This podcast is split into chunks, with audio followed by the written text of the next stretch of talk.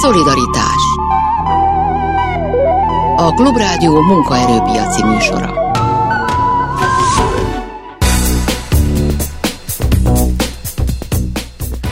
Jó napot kívánok, Selmeszi János vagyok. Folytatjuk, amit a múlt héten elkezdtünk, a kegyelmi ügy lehetőséget ad arra, hogy beszéljünk a legfontosabbról, a szociális ágazatban dolgozókról, a szociális ágazatban élőkről, legyenek ők gyerekek, idősek vagy hajléktalanok. Ezzel a témával kezdjük a műsort, és töltjük is el az első felét. Aztán a második felében beszélünk majd az operaházi dolgozók független szakszervezetének elnökével, sztrájk készül ugyanis az Operaházban, és beszélünk egy home office kutatásról is, mennyire elterjedt, mennyire akarunk otthonról dolgozni mi Magyarországon, és kik tehetik ezt meg, és kik nem. Erről is lesz szó a mai műsorban, már is kezdünk. Szolidaritás méghozzá Köves Ferenccel, a szociális ágazatban dolgozók szakszervezetének elnökével. Köszönöm szépen, hogy eljöttél. Köszönöm a meghívást. És én nagyon picit, ha engedj meg nekem egy, egy abban az értelemben személyes kérdést, hogy van egy olyan ágazat, ahol nagyon-nagyon keveset keresnek az emberek, és borzalmas dolgok történnek. Beteg emberek vannak, elhagyott gyerekek, munkájukat, otthonukat vesztett felnőtt emberek, haldokló idősek, hogy miért vannak még mindig ennyien, és nyugodtan akár a saját példádat is elmondhatod, akik, akik úgy döntenek valamiért egészen fiatal korukban, vagy akár később, hogy ők, ők a szociális ágazatban akarnak dolgozni és segíteni. Ez egy jó kérdés, köszi. Szerintem maga a műsor címe is egy válasz erre egyrésztről. Tehát túlnyomó részt olyan emberek dolgozunk ebben a szakmában, akiknek a szolidaritása az egy ilyen alapvető érték, és talán az egyik legfontosabb. Tehát ez az egyik szerintem. Nagyon sok elhivatott kollégám van, akik azt gondolják, hogy a másokon való segítésnél kevés fontosabb dolog van, és hál' Istennek a kollégáink egy jelentős része az nem csak segít, mert ugye ilyen van, tehát a karitatív tevékenység az egy elég régi hagyományokra visszanyúló történet, de ennek a professzionális megvalósítása ugye ez a szociális szakma, és erről azért így a közvélemény, de sokszor még a saját irányító minisztériumunk is elfeledkezik, hogy ez egy szakma, és nem, nem, nem, nem egyfajta önkéntes segítés.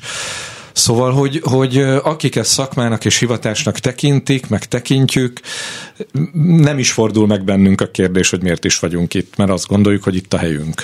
Ezt a szakma részt majd beszéljük meg, de még kicsit lovagolva az előző kérdésemen, hogy és az a segíteni akarás, ami elviszi ebbe a szakmába az embereket, az mennyire valósítható meg vajon a magyar rendszerben, és mennyien lehetnek, akik egyébként azzal szembesülnek, hogy a legjobb szándékkal jönnek az idős ellátásba, a ellátásba, a gyerek ellátásba, és nem tudnak segíteni, sőt lehet, hogy ártanak.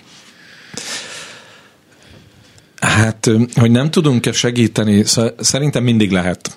Hát attól, hogy egy rendszer olyan, amilyen, a jogszabályi környezet olyan, amilyen, ez nagyon sokszor persze gátolja az érdemi segítő munkát, ez nem is kérdés, azt hiszem, vagy nekem legalábbis nem kérdés.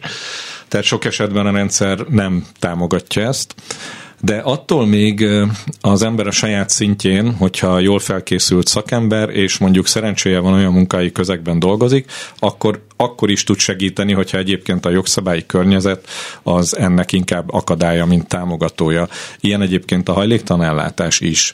Tehát a jogszabályi környezet az sok mindent támogat, csak azt nem, hogy a hajléktalan emberek kikerülhessenek ebből az életformából ezzel együtt mind civil, mind önkormányzati, mind egyházi intézményekben elhivatott kollégák olyan munkát végeznek, amivel mégiscsak minden évben rengeteg ember tud tovább lépni, vagy legalábbis egy kicsit jobban élni.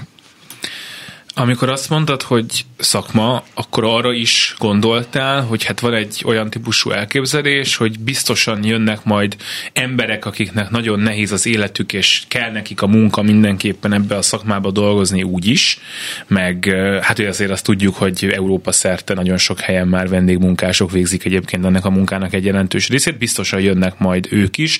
Nem nagyon kell ezt megfizetni, meg nem kell belerakni az energiát, hogy a főiskola egyetemi képzés elképzés az működjön, mert valakik majd ezt úgy is megcsinálják, meg egyébként is hát mindenki gondozza valamikor az idő szüleit, tehát akkor ez biztosan olyan, úgy meg lehet ezt tanulni, meg meg tudja ezt csinálni tulajdonképpen bárki. Van egy, vagy van egy ilyen elképzelés, akár döntéshozói szinten, hogy nem kell azzal foglalkozni, hogy professzionálisan legyenek emberek, akik tényleg tényleg tudnak segíteni egy hajléktalan emberen, és tudják, hogy vele hogyan kell beszélni, mit kell neki mondani, és mi segít rajta valójában?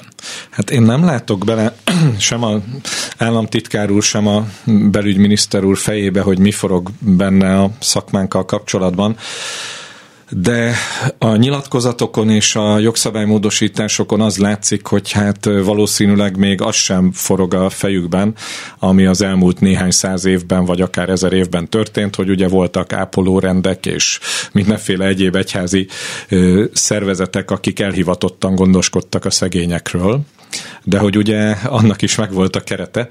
Most úgy tűnik, mintha ők még ezt sem vennék figyelembe, és ennél is tágabb keretben gondolkodnak, amikor például a gondoskodás politika, mint olyan megszületett a, a fejükben, és gyakorlatilag azt ami látszik így kívülről, az olyan, mintha azt gondolnák, hogy ebben a szakmában elég a jó szándék és nem kell hozzáérteni.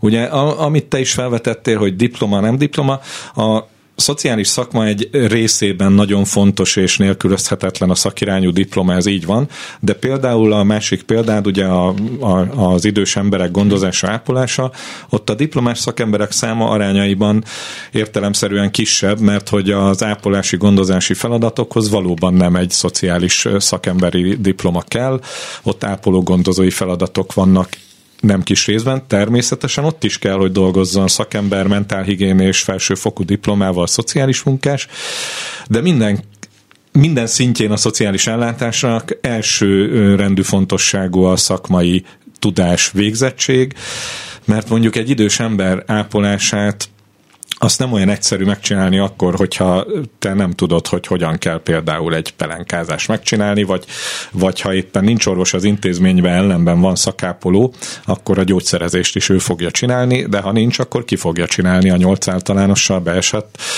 kisegítő személyzet, akit éppen megtanítottak arra, hogy melyik ajtó hol van. Tehát, hogy az kevés lesz még az intézményi ellátásban is. Amikor előkerült ez a kegyelmi ügy, és ennek az az aspektusa, ami arról szólt, hogy, hogy zárt intézményekben történnek szörnyű dolgok, akkor ehhez egyébként a szakmában lévők, vagy akár te hogyan álltatok hozzá, vagy hogyan álltok ahhoz általában hozzá, hogy tudjuk azt, mert mindenki tudja, hogy zárt intézményekben történnek borzalmas dolgok, bántalmazások, stb. Hogy ezeknek egy részét azok a kollégák itok követik el, valaki rossz szándékból, valaki talán másokból, akik, akik ugyanúgy, mint mindenki, jó esetben azért kezdték el ezt a szakmát, mert segíteni akartak. Igen, hát azt gondolom erről, hogy, hogy a szociális szakmán belül egyértelmű az, hogy a, az ilyen eseteket mindenki megbélyegzi, tehát nem mentséget keresünk ezeknek az embereknek, akik nem is szívesen neveznék kollégáknak, Nyilván azért sem, mert az egyik pszichológus volt, a másik pedig tanár. Tehát, hogy, és persze mondhatjuk, hogy attól még a szociális ellátásban voltak, de hogy a gyermekvédelem az tényleg egy kicsit külön kör. De az teljesen egyértelmű, hogy, hogy a szakmai megtisztulás, tehát az ilyen elemektől való megszabadulása az a mi szakmánknak az első rendű érdeke. Nyilván az itt dolgozó körülbelül 80-90 ezer ember között óhatatlanul lesz olyan, aki nem ide való, ez nem kérdés, ilyen mindenhol van. Viszont attól, hogy történik ilyen eset, az nem azt jelenti, hogy aki a szociális szakmában dolgozik, az, azok közül senki sem ide való. Tehát amikor látszat intézkedéseket próbál ismét hozni a kormányzat, hogy akkor most majd ezt is megszigorítják, azt is megszigorítják, ezt is megszigorítják. Nyilván ezek nagyon jól hangzanak kifelé, de nem oldják meg a rendszer szintű problémákat. Tehát, hogy azok a, hogy, hogy most majd alkotmánymódosítás lesz, és akkor nem tudom, mi történik, nem fogja megoldani. Nyilván önmagában azt sem oldja meg, ha meg vannak fizetve az ebben dolgozó szakemberek, de nagyobb válogatási lehetőség van, hogyha versenyképes fizetést kínálunk mondjuk egy állásra, tehát nagyobb elvárásokat is támaszthatunk például például, hogyha nem a bolti eladói végze, bérek alatt vannak a béreink. persze nyilván az igazgató úr és az igazgató helyettes úr bére nem ott volt, viszont ugye az ő előéletükből azt is tudni, hogy vélhetően az ő kiválasztási szempontjaik között nem a szakmai múlt volt az elsődleges. Igen, azt hiszem, hogy ezért fontos különbséget tenni tényleg a vezetők, illetve azok között, akik, akik tényleg konkrétan az ellátottakkal vannak, és nekik, nekik segítenek azt, az hogyan lehetne egy olyan szakmában, amit már itt az elhangzottakból is lehet hallani, nem fizetnek meg jól, ami, ami egy csomó ok miatt kényelmetlen felnőtt embereket pelenkázni nagyon sokan nem akarnak, nem fognak, és akkor egy intézményvezető, amikor mennek hozzá emberek, meg hallja azt adott esetben, hogy egyik-másik dolgozó mondjuk csúnyán beszélt a, az idős emberekkel, akkor neki van-e lehetősége azt mondani, hogy hát jó, hát akkor ő ne legyen itt, vagy azt kell, hogy mondja, hogy de legalább, hát hisz nem ütötte meg, és bepelenkázta, és ellátta, és itt van, és dolgozik, és bejön, és itt van 8 órát, és közben nem részeg. Jó, lehet, csúnyán beszél velük, nem tudunk mit csinálni. Ebben szerintem azért a zéró tolerancia irányába kell elmozdulni. Nyilván elképzelhető, hogy olyan közegből jön valaki, ahhoz, ahol az a megszokott kommunikációs forma, amit nem ismételnék el élő adásban a rádióban, és akkor nyilván lehet ebben egy edukációs szerepe a vezetőnek, és ha ez nem változik, akkor egyértelműen az embert el kell küldeni, akkor is, ha minden nap bejön dolgozni. Tehát szerintem ebben tényleg az éró tolerancia van. Tehát lehet kísérletet tenni arra, hogy megérdeklődjük tőle, hogy miért beszélt így az ügyféllel, és ha erre nem tud választ adni, akkor el kell tőle köszönni, vagy ha nem változtat ezen mindig lehet embert találni. Nyilván hmm. nehéz, meg nyilván amikor egy olyan gazdasági helyzet volt, hogy nagyon sok állás volt, akkor még nehezebb volt, illetve nagyon sok szabad állás, ahova lehetett menni még nehezebb volt, de ezzel együtt nem lehetetlen. Tehát, hogyha normális állások vannak meghirdetve, korrekt munkahelyi körülményekkel, akkor találni fogunk olyan embert, aki alkalmas erre a munkára. Nyilvánvaló, hogy erre mit fogsz válaszolni, de az biztos, hogy ez tényleg úgy nem lehet, hogy a fizetések olyanok, hogy egy csomó embert, egy csomó jó szándékú embert egyszerűen kizárunk csak azért a, a szakmából, mert abból nem tud megélni a gyerekének, nem tudja megadni azt, amit szeretne, stb. stb. És így aztán a merítés az egyértelműen kisebb lesz. És akkor, akkor uhatatlanul lesznek kompromisszumok, hogyha egyszer föl kell tölteni álláshelyeket, mert az embereknek meg szüksége van rá. Kompromisszumok mindig lesznek sajnálatos módon. Ezen persze a kormányzati szinten többféle változtatási lehetőség is lenne. A mindenkori magyar kormányzat, és nem a mostaniról beszélek egyébként, ez egy régebbi folyamat, az elindított egy olyan irányt, hogy hogy nagyjából bármilyen végzettséggel lehet valaki szociális szakember. Ez ugye pont abba az irányba megy, hogy ne tudj szűrni. Uh-huh. Tehát ez azt segíti elő, hogy bárkit be tudsz engedni ebbe a szakmába, tehát nincs szűrés. Tehát ezt lehetne szigorítani, hogy, hogy a nyolc általános helyett azért minimum valamiféle akár a régi OK és rendszer, vagy bármiféle szak képzéses rendszerben megszerzett bizonyítványjal lehessen csak elvégezni, nyilván felső fokú képzettség az egy másik történet, de hogy ott is szakirányú diplomát kellene elvárni. Tehát jelenleg bármiféle felsőfokú diplomával szociális munkatársi státuszba föl lehet venni embert akkor is, hogyha az földrajztanár, és akkor is, hogyha mérnök.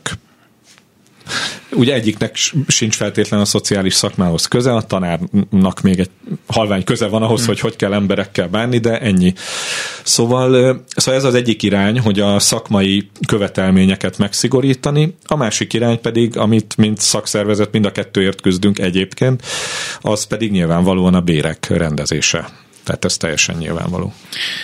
Ez a bérrendezés, ez egy, most egy lehetőség ez a mostani történet arra, hogy esetleg ezzel a kormányzat foglalkozni kezdjen. Szoktak olyat csinálni pedagógusokkal, egészségügyi dolgozókkal, hogy amikor van valami változás, mondjuk bért kell emelni, akkor mellé jön valami jogállásváltás, valami szigorítás, valami átvezénylés. Most azt gondolom, hogy az ígéretek alapján legalábbis szigorúbb átvilágítás lesz a szociális szakmában, bizonyos bűncselekményeket szigorúbban büntetnek majd. Lehet-e vajon emellé azt mondani, hogy jó, ez szép, de akkor tegyetek, tegyetek hozzá egy olyan, olyan béremelést, ami, ami, ami oda viszi majd az embereket dolgozni, és lehet, hogy akkor azt mondják, hogy persze, hát világítsatok át bennünket rendesen, meg tényleg küldjük el azokat, küldjék el azokat a kollégákat, akik nem idevalók, mert most már rendes bér van, jönni fognak mások is.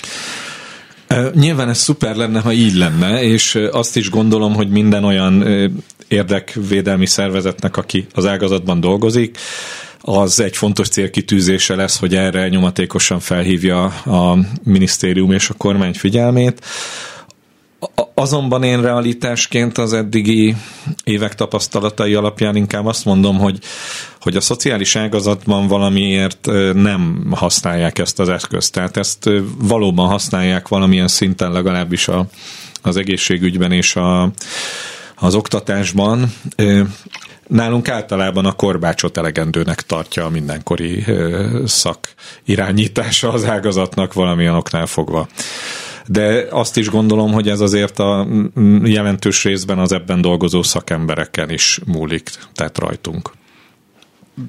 Az is múlik egyébként a szakembereken, hogy, a, hogy tisztul-e a rendszer? Tehát, hogy mennyit, és ez egy, tudom, hogy ez egy rohadt nehéz kérdés, hogy akár ebben a konkrét bicskei esetben is lehetett most már arról lehet tudni, hogy itt voltak bejelentések, elmentek a döntéshozókhoz, a ott dolgozók szóltak arról, hogy az igazgató nem megfelelően viselkedik a gyerekekkel, és biztos, hogy más intézményekből is rengeteg ilyen jelzés jön, jut el, és biztos, hogy sok esetben történik is valami ezeknek a következményeképpen, de hogy azért azért ez nagyon nehéz lehet, pláne egy zárt intézményben, miközben nagyon rosszul keresel, miközben nagyon nehéz helyzetben vagy te is, hogy és egyébként egy rohadt, nagyon nehéz munkát csinálsz, és akkor még mellette a kollégádat figyelt, hogy mit csinál, vagy a főnöködet, és akkor mm. csinálj valamit, és ne azt csináld, hogy mondjuk elmész máshova dolgozni, ahol ez nincsen. Mm. Szerintem rajtunk is múlik egyértelműen. Nyilván a, a vezető ellen fellépni, az, az is egy ingoványos terület. Lehet egyébként, és adott esetben, ha olyat csinál a vezető, akkor szerintem kell is.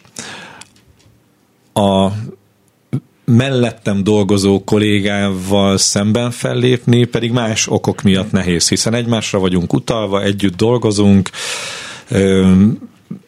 nem, nem könnyű valószínűleg idézőjelbe most és tényleg ez már minősíti is, hogy miért nehéz bemószerolni, ugye? Tehát mert hogy akkor ezt ilyen negatív kontextusban, hogy most én felnyomom a saját kollégámat, miközben én nem a kollégámért felelek abban az intézményben, hanem azért, hogy akár a gyerekek, akár felnőttekkel dolgozom, velük korrekt bánásmódot tanúsítson mindenki. És nem az a dolgom, hogy megvédjem ilyen szempontból a kollégámat, hanem az ügyfeleimnek tartozom elszámolással, csak ez nagyon nehezen megy át, ez a picit ilyen betyárbecsület sokszor, de szerencsére azért a kollégák egy része nyilván ezt átlátja és érti, és akkor tesz, ahogy ebben az ügyben is tettek jelzéseket, pedig az igazgató ellen kellett tenni, ami ugye még erősebb történet. Azért ezekben a dolgokban szerintem nagyon sokat tud segíteni, például ha van helyben szakszervezet egyébként, főleg a vezetővel kapcsolatos konfliktusok esetén, mert ha nem is százszázalékos védelmet, de mégiscsak adhat egy olyan háttértámogatást, jogi védelmet, hogy, hogy könnyebben vállalja fel az érintett kolléga azt, hogy ő jelzést tesz, illetve és akkor itt most egy picit egy olyan területre is egy nagyon érintőlegesen átlépnék, hogy azért nem csak ellátottakat, ügyfeleket érhet bántalmazás egy intézményben, hanem ugye kollégákat, ott dolgozó szakembereket is. És akkor ugye ilyen esetben is nagyon nehéz fellépni, hogyha ez a vezető részéről van, nagyon nehéz ezt bizonyítani sokszor, nyilván van, amikor könnyű, de az a könnyű helyzet idézőjelben. De, de ugye ez a fajta ilyen hatalommal való visszaérés, ez nagyon sokszor nehezen megfoghatóan jelenik meg, és ilyen esetben is azért, ha van helyben egy erős szakszervezet érdekképviselet, akkor bizony bele lehet ezekbe az ügyekbe állni. Azt, azt gondolom, hogy itt azért nagyon pici lépésekkel lehetne előre haladni. Tehát van mindig egy ilyen politikai vágy, hogy hát egy helyzet rossz, és akkor javítsuk ki, és akkor legyen jó, de hogy de hogy nagyon nehezen tudom azt elképzelni, hogyha mondjuk itt eltelik öt év, és mindenki a legjobb irányba viszi ezt a dolgot, a politika, a dolgozók, mindenki a legjobbat se, akkor egy picit tud jobb lenni. De nagyon nem. És hogy nekem az a kérdésem, hogy vajon ez a mostani ügy, ez ad egy lehetőséget, ad egy lehetőséget arra, hogy ezt legalább elkezdjék, hogy azt mondjuk, hogy megnézzük, hogy most mi van, hogy mik a legnagyobb problémák, és mondjuk akkor öt év múlva ezeken ennyit javítottunk. És nem lesz jobb, és nem lesz jó ezekben az intézményekben, intézményekben sem dolgozni, sem élni valószínűleg öt év múlva sem, de lehet sokkal jobb, mint most. És nekem az az érzésem, hogy amikor az egész bicskei ügyről beszélünk, hogy az a baj, hogy ez 2016, és én őszintén nem hiszem, hogy azóta jobb lett egy picivel is gyereknek lenni a gyermekvédelemben. Valószínűleg nem lett jobb, Viszont azt is érdemes látni, hogy hogy, hogy amikor valamiféle módon politikai kinevezett emberek élnek vissza a hatalmukkal, akkor az azért nem az egész rendszernek a benne dolgozókat érintő probléma, azért az egy szűkebb történet. Tehát itt ebben a konkrét esetben azért en, nagy szerepe volt félhetően a, ennek az elhúzódásában, a, a, az ügyel való nem foglalkozásban annak, hogy ezek az emberek, ezek be voltak csatornázva aktuálisan politikai erőkhöz. Konkrétan tagok voltak, képviselőjelölt, stb. stb. Tehát ez egy nagyon direkt történet szerintem ilyen szempontból. A legtöbb ügy azért nem ennyire ingoványos ezekben az esetekben, tehát hogy kevésbé érzékeny mondjuk hozzányúlni. Tehát ilyen szempontból szerintem van arra remény, hogy ez tud változni nagyobbat is, de ahhoz, ahhoz a benne dolgozóknak is tökösebbnek kell lenni. Tehát, hogyha én azt látom, hogy a kollégám verbálisan vagy nem verbálisan bántalmaz egy ügyfelet, akkor azt én azonnal jelezzem. Egyrészt neki is, hogy ezt nem kéne, másrészt pedig a főnökömnek. Ha meg azt látom, hogy a főnököm bántalmaz ügyfelet, kollégát, bárkit, akkor pedig gondolkodjak el azon, hogy ezt kinek tudom jelezni és tegyem meg. Vagy ha egyedül nem merem, akkor keressek erre fórumot, hogy hogyan tudom ezt megtenni. Nagyon sok intézményben egyébként vannak olyan egyébként kötelező felületek, ahol anonim módon lehet jelezni ilyesfajta atrocitások megtörténtét. Ezekkel kell élni.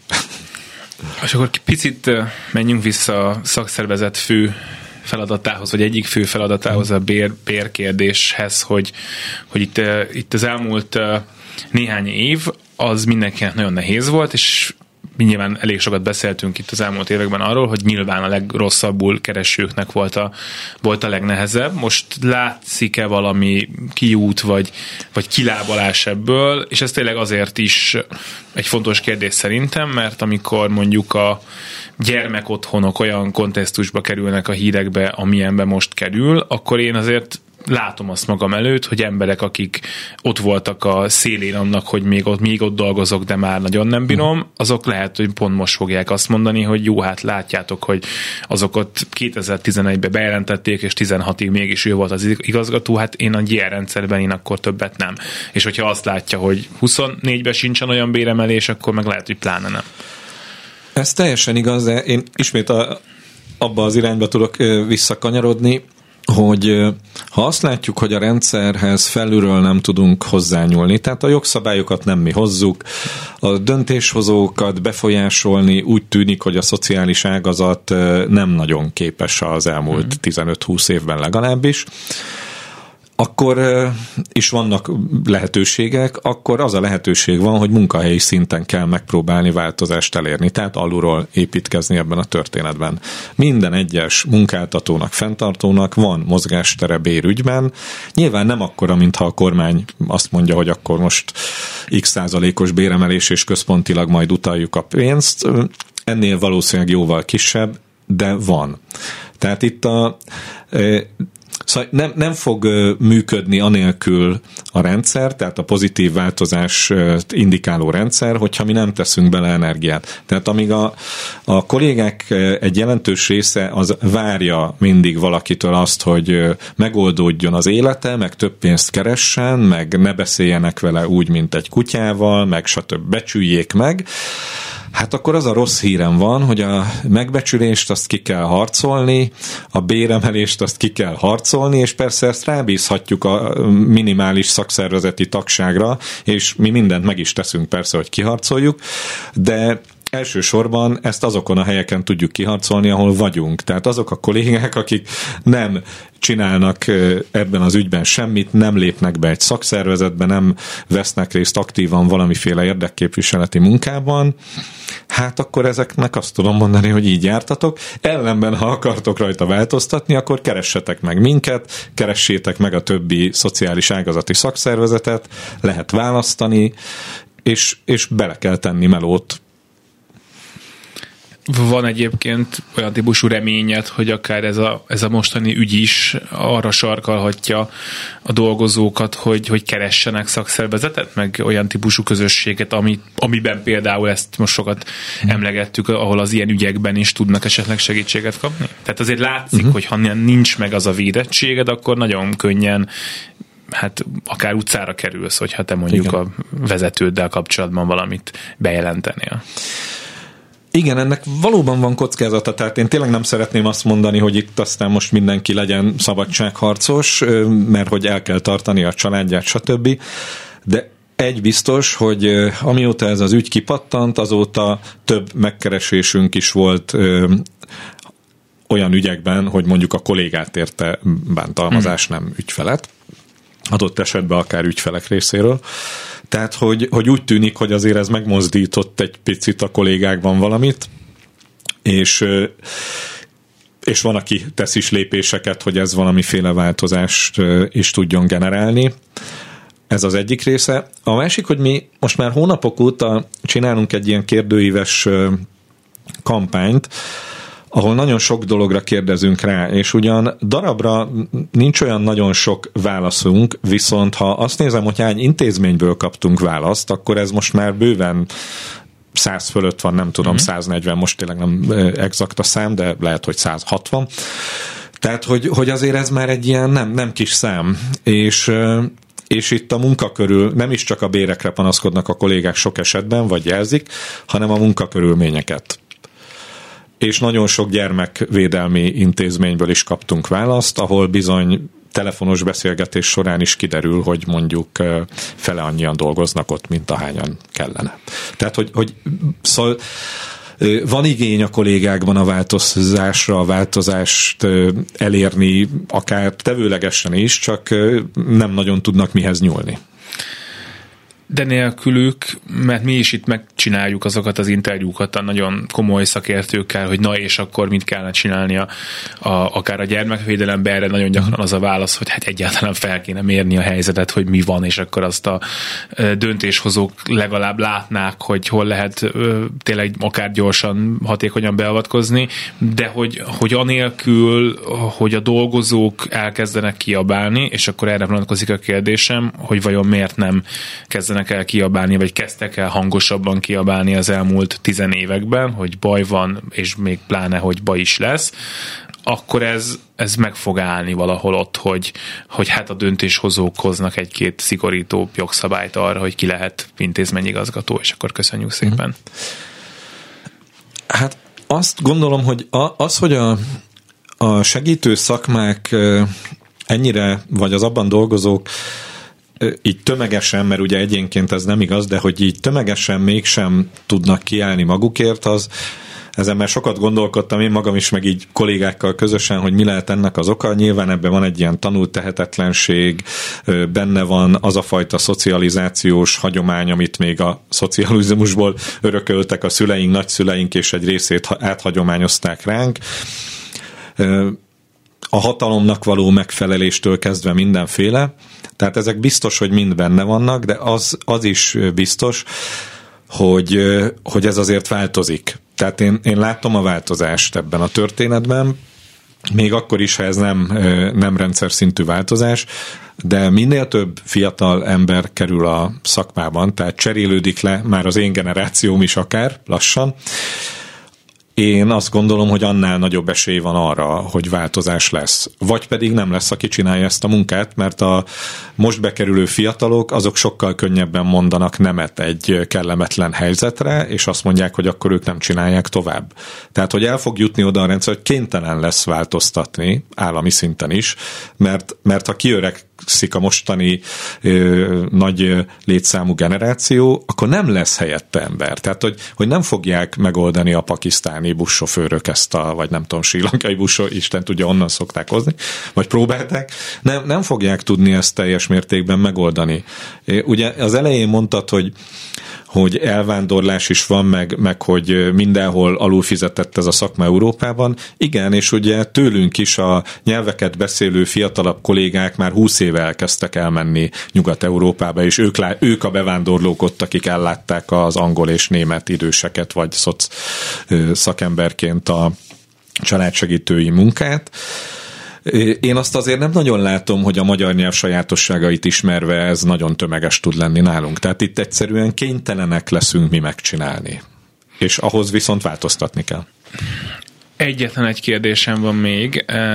Kiment múlt héten, két hete, pénteken az utcára, hát attól függ, ki írja meg, de mondjuk 100 ezer, 150 ezer ember a gyermekvédelem ügyben. Persze olyanok hívták őket az utcára, akiknek iszonyat nagy elérésük van, de úgy tűnt, hogy nagyon sok embert, fiatalt, idősebbet ez a kérdés érdekel tudjuk azt érezni, hogy, hogy dolgunk van azzal, hogy a magyar gyermekvédelemben mi történik a gyerekekkel, és akkor már lehet, hogy tudjuk azt is érezni, hogy a idős gondozásban mi történik az idősekkel. Abba nehezebben vagyok biztos, hogy a hajléktalanok esetében is ugyanez megvan, de hogy én úgy látom, hogy lenne itt ember, meg támogató, aki, aki oda tud állni ilyen ügyek mögé, és és lehet, hogy a szociális munkásokról is tudna úgy gondolkodni, hogy ezek olyan emberek, akik fontosak nekünk, hogy meg legyenek fizetve, hogy jó körülmények között dolgozhassanak, mert, mert olyanokért dolgoznak, akik nekünk is fontosak, gyerekek, idősek, hogy, hogy,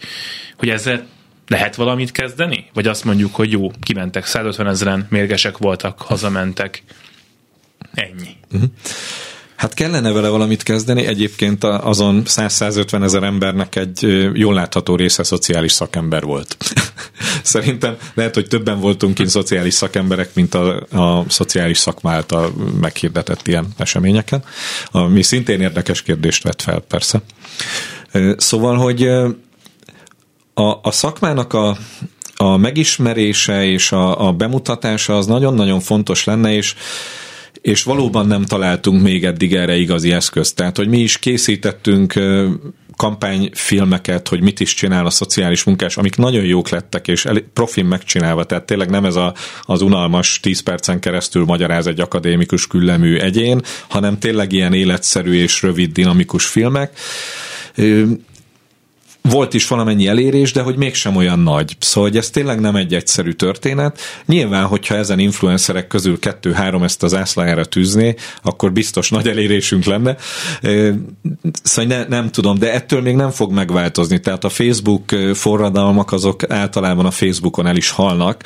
Szóval itt a, a szociális szakma megváltoztatásához és a környezet megváltoztatásához ennél többre lesz szükség. Tehát a kollégákra van szükség továbbra is.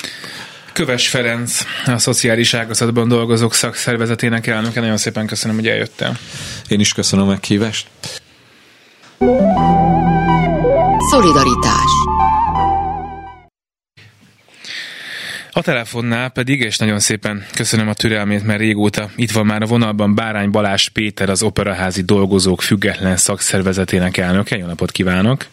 Jó napot kívánok! És egy sztrájkról fogunk beszélgetni. A Magyar Állami Operaház két szakszervezete sztrájkot szervez. Március 19-én indul ez, legalábbis a néhány nappal ezelőtti hírek szerint, úgyhogy már is onnan kezdeném, hogy ez még így van-e, tehát hogy jelen tudásuk szerint is lesz ez sztrájk a Magyar Állami Operaházban. Ha a helyzet nem változik, akkor természetesen lesz nincs okunk arra, hogy ezt megváltoztassuk. Vannak-e konkrét egyeztetések most az Operaház vezetősége és önök között még? Tehát, hogy még lehet-e az, Igen, hogy van. megállapodás Igen, lesz? is folyik, arról jöttem ki.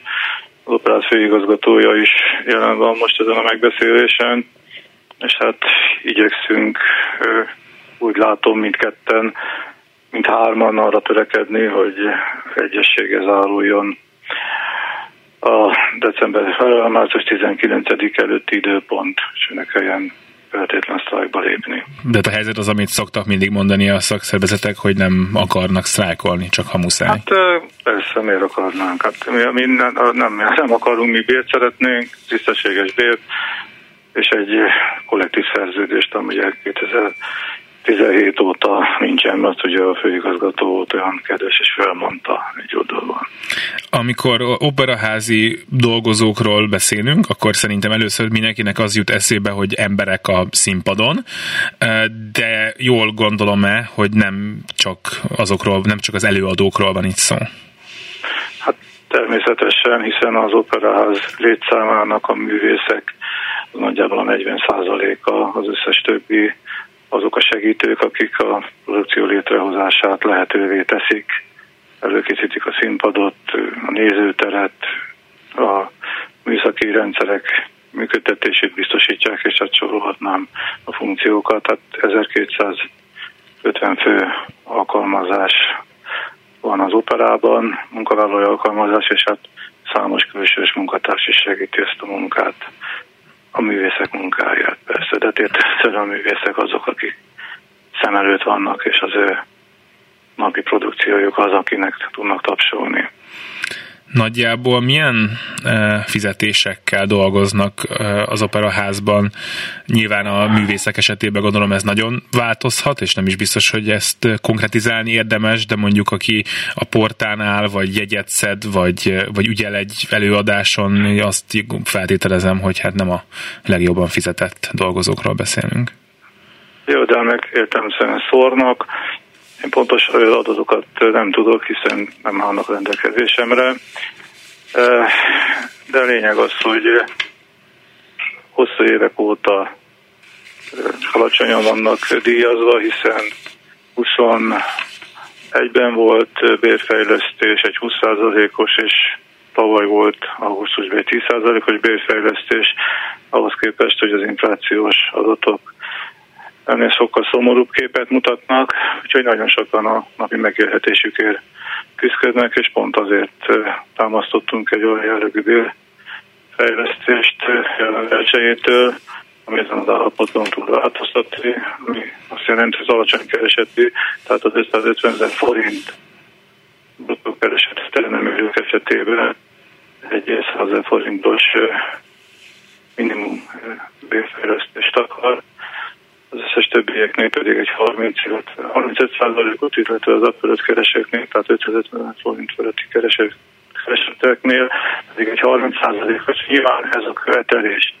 Amennyiben azt is elmondtuk, amennyiben tudunk, akkor eddig szerződésből is, amit már egy alkalommal módosított formákban átadtunk az operáz vezetésének, ígérték, hogy még múlt hét végére küldenek ők is egy tervezetet, tehát ezt még nem sikerült megtenniük és meg tudunk egyezni, akkor kettőt együtt tudjuk mozgatni, és értelmszerűen, értelmszerűen változhatnak ezek a, a, a bérkövetelési értékek.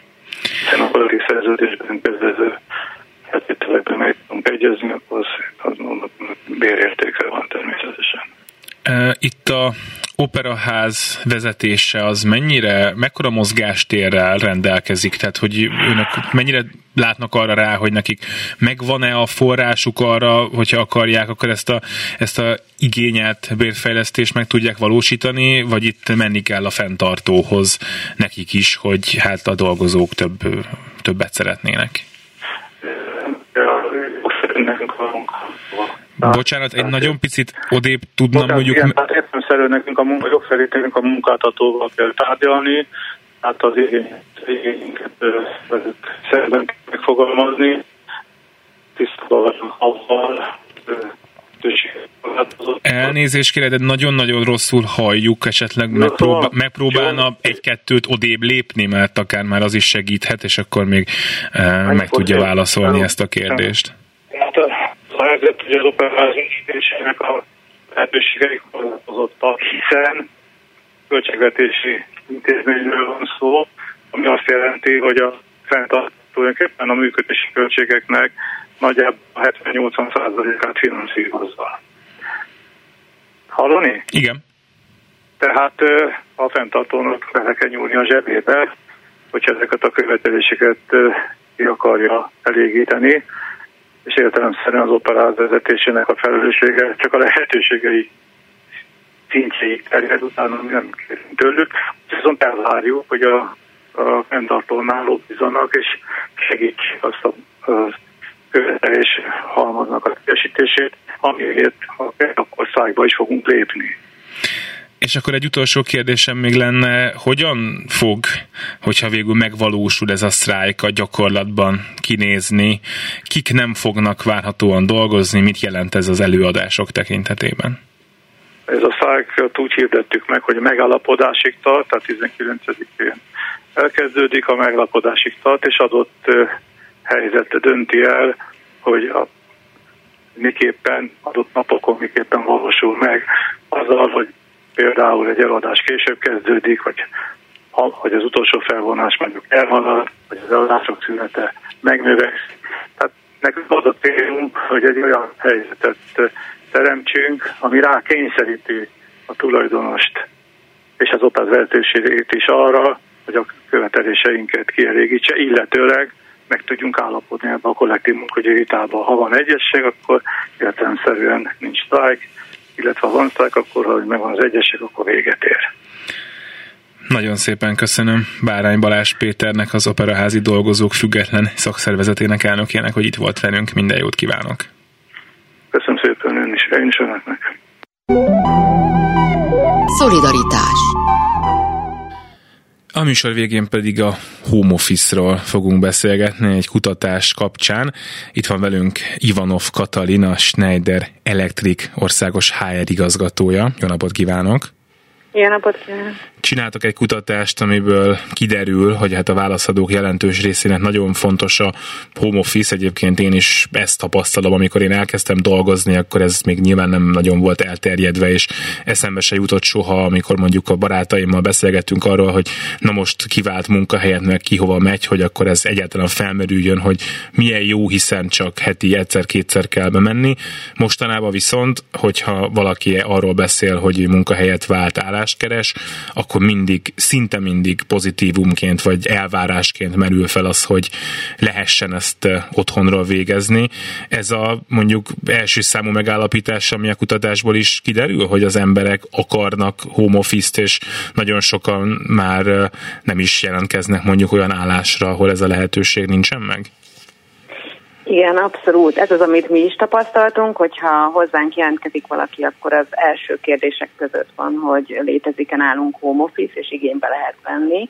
Illetve a kutatás is többek között ezért eh, indítottuk el, és ugye elsősorban nem potenciális munkavállalókat vagy munkavállalókat kérdeztük meg, hanem a ház szakmát, hogy ők mit tapasztalnak, és abszolút az lett az eredménye a, a kutatásnak, hogy, hogy manapság már nagyon nehéz úgy jelen lenni a munkerőpiacon, hogy ezt a cégek nem adják meg ezt a lehetőséget a munkavállalóknak.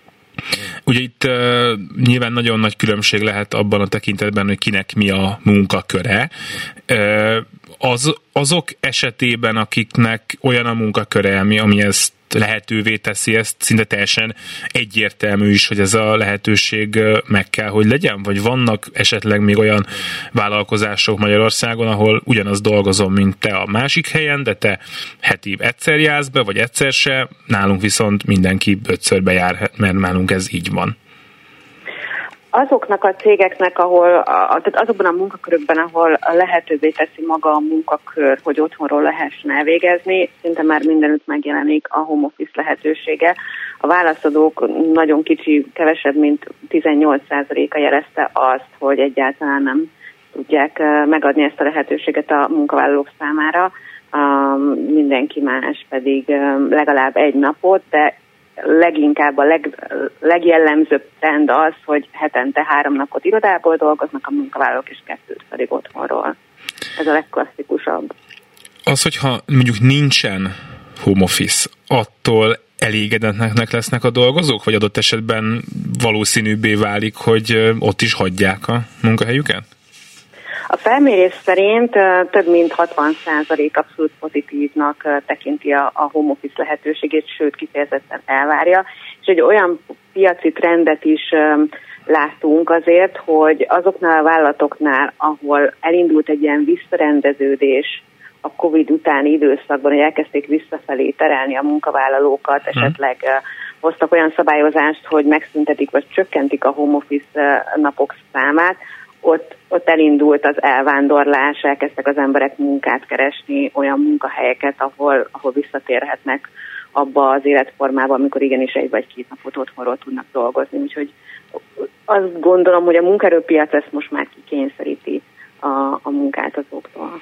Van egyébként a home office-nak, ezt én nem látom a kutatásban, úgyhogy azon túl is kérdezem valamilyen alternatívája, tehát hogyha valahol mondjuk azt gondolják a munkaadók, hogy nekik igenis ö, az, ők azt akarják, az működik jól, hogyha a dolgozók bent vannak az irodában és onnan dolgoznak, akkor ezért cserébe adhatnak ők valamit? Most itt akár a munkába járási támogatás, akár a magasabb fizetés, tehát én azt mondom, hogy lehet, hogy a, ugyanebben a, a, a szakmában, pozícióban neked a másik cégnél nem kéne bejárnod, de ha mi nálunk bejársz, akkor az neked azt jelenti, hogy nem tudom, 15%-kal többet keresel, tehát neked ez megéri, válaszd inkább, ez van ilyen verseny, hogy a home office VS, nem tudom, magasabb fizetés, valami más? Rövid távon biztos, hogy működhet, de ugye például a munkába, munkába járási támogatást azért a legtöbb cég az, az megadja amúgy is, úgyhogy ez nem okozna versenyelőnyt. Rövid távon el tudom képzelni, hogy egy magasabb juttatás um, miatt mondjuk választanának olyan céget az emberek, uh, ahol nincs home office, mondjuk cserébe többet uh, tudnak keresni, de azt látom, hogy manapság, és leginkább a fiatalok körében azért a munka-élet egyensúlya és egy rugalmassága a munkában az, az már annyira fontossá vált, hogy ezt nem lehet máshogy igazán kompenzálni.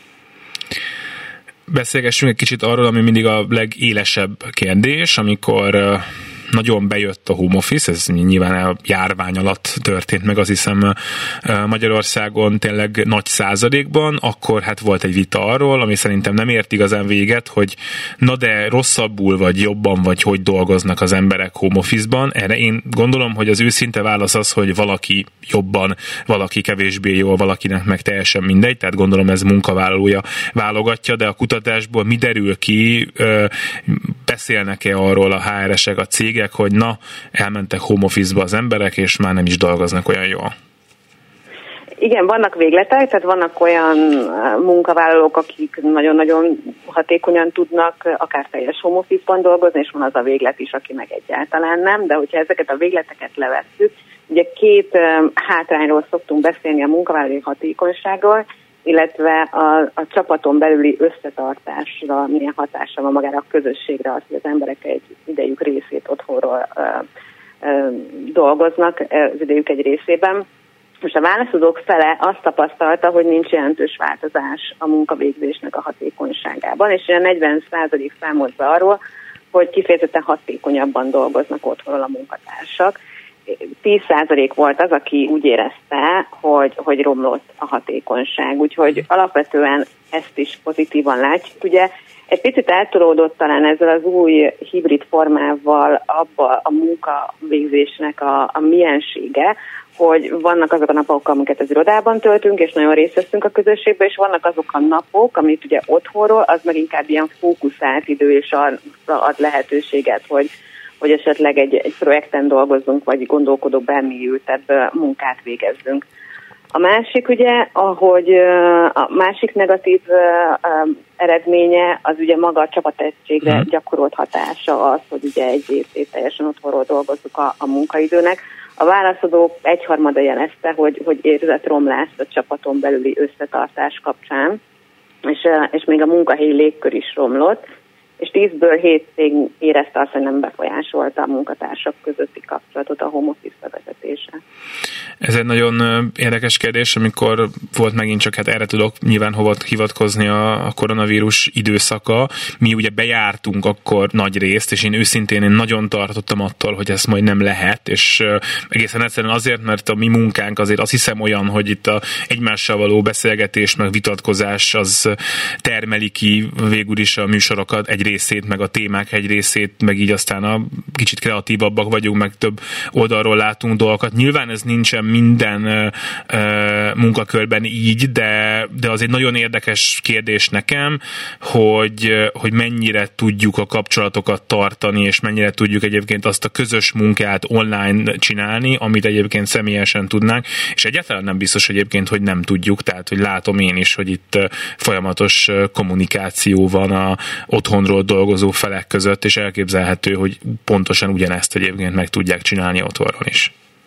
Igen, de ugyanakkor az is fontos, hogy néha találkozzunk, és ott folytassuk tovább a beszélgetést, mert ha teljesen átmegy online irányba, és ezt a Covid alatt azért tapasztalhattuk, akkor azért ott, ott lesznek feszültségek, ott lesznek távolodások, úgyhogy azért érezzük mi is így, és ezt kaptuk visszajelzésként a piacról is, hogy a hibrid forma az otthonról is, meg irodából is, aztán a legjobb a vállalat számára is, és a munkavállalók számára, akár hogyha a mentális egészséget nézzük, vagy a munkaélet egyensúlyát, akkor talán ez a kombináció az, ami a legszerencsésebb. Még egy kicsit a home office-nak a szabályozásáról beszélgessünk, tehát magyarán, hogy a cégek miután megengedik, hogy te otthonról dolgoz, mennyire figyelnek arra, hogy te ott pontosan mit csinálsz, tényleg dolgozol-e, tényleg annyi órában dolgozol, vagy csak arra figyelnek, hogy csináld meg a munkádat, és igazából nekünk mindegy, hogy mikor vagy mikor nem, milyen megoldások vannak erre? Ez egy nagyon érdekes kérdés, mert erre mi is nagyon kíváncsiak voltunk. Mi azon cégek közé tartozunk, akik létrehoztak egy szabályrendszert, de azt nagyon rugalmasan szerettük volna kezelni, és úgy érezzük, hogy nagyon jól is működik. Kíváncsiak voltunk mi is arra, hogy ez más cégeknél hogyan működik. Kb. a vállalatok felénél egyértelműen szabályozzák a home office kereteit, és be is tartatják, és olyan 23 százalék van az, hogy léteznek szabályok, de azokat lazán rugalmasan kezelik, és olyan 27%-nál semmilyen szabályozás nincsen, csak egyszerűen lehetővé teszik a munkavállalók számára, hogy gondol dolgozzanak, és körülbelül olyan a cégek egyötöde ment egy szigorúbb szabályozás felé a Covid után. Nagyon szépen köszönöm Ivanov Katalinnak, a Schneider Electric országos HR igazgatójának, hogy itt volt velünk. Minden jót kívánok! Én is nagyon köszönöm. Minden.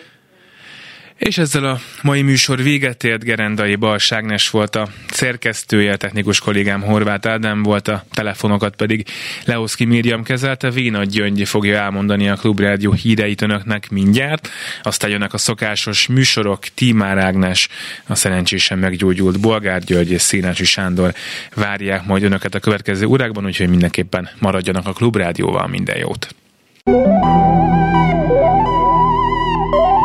Szolidaritás A Klubrádió munkaerőpiaci műsorát hallott.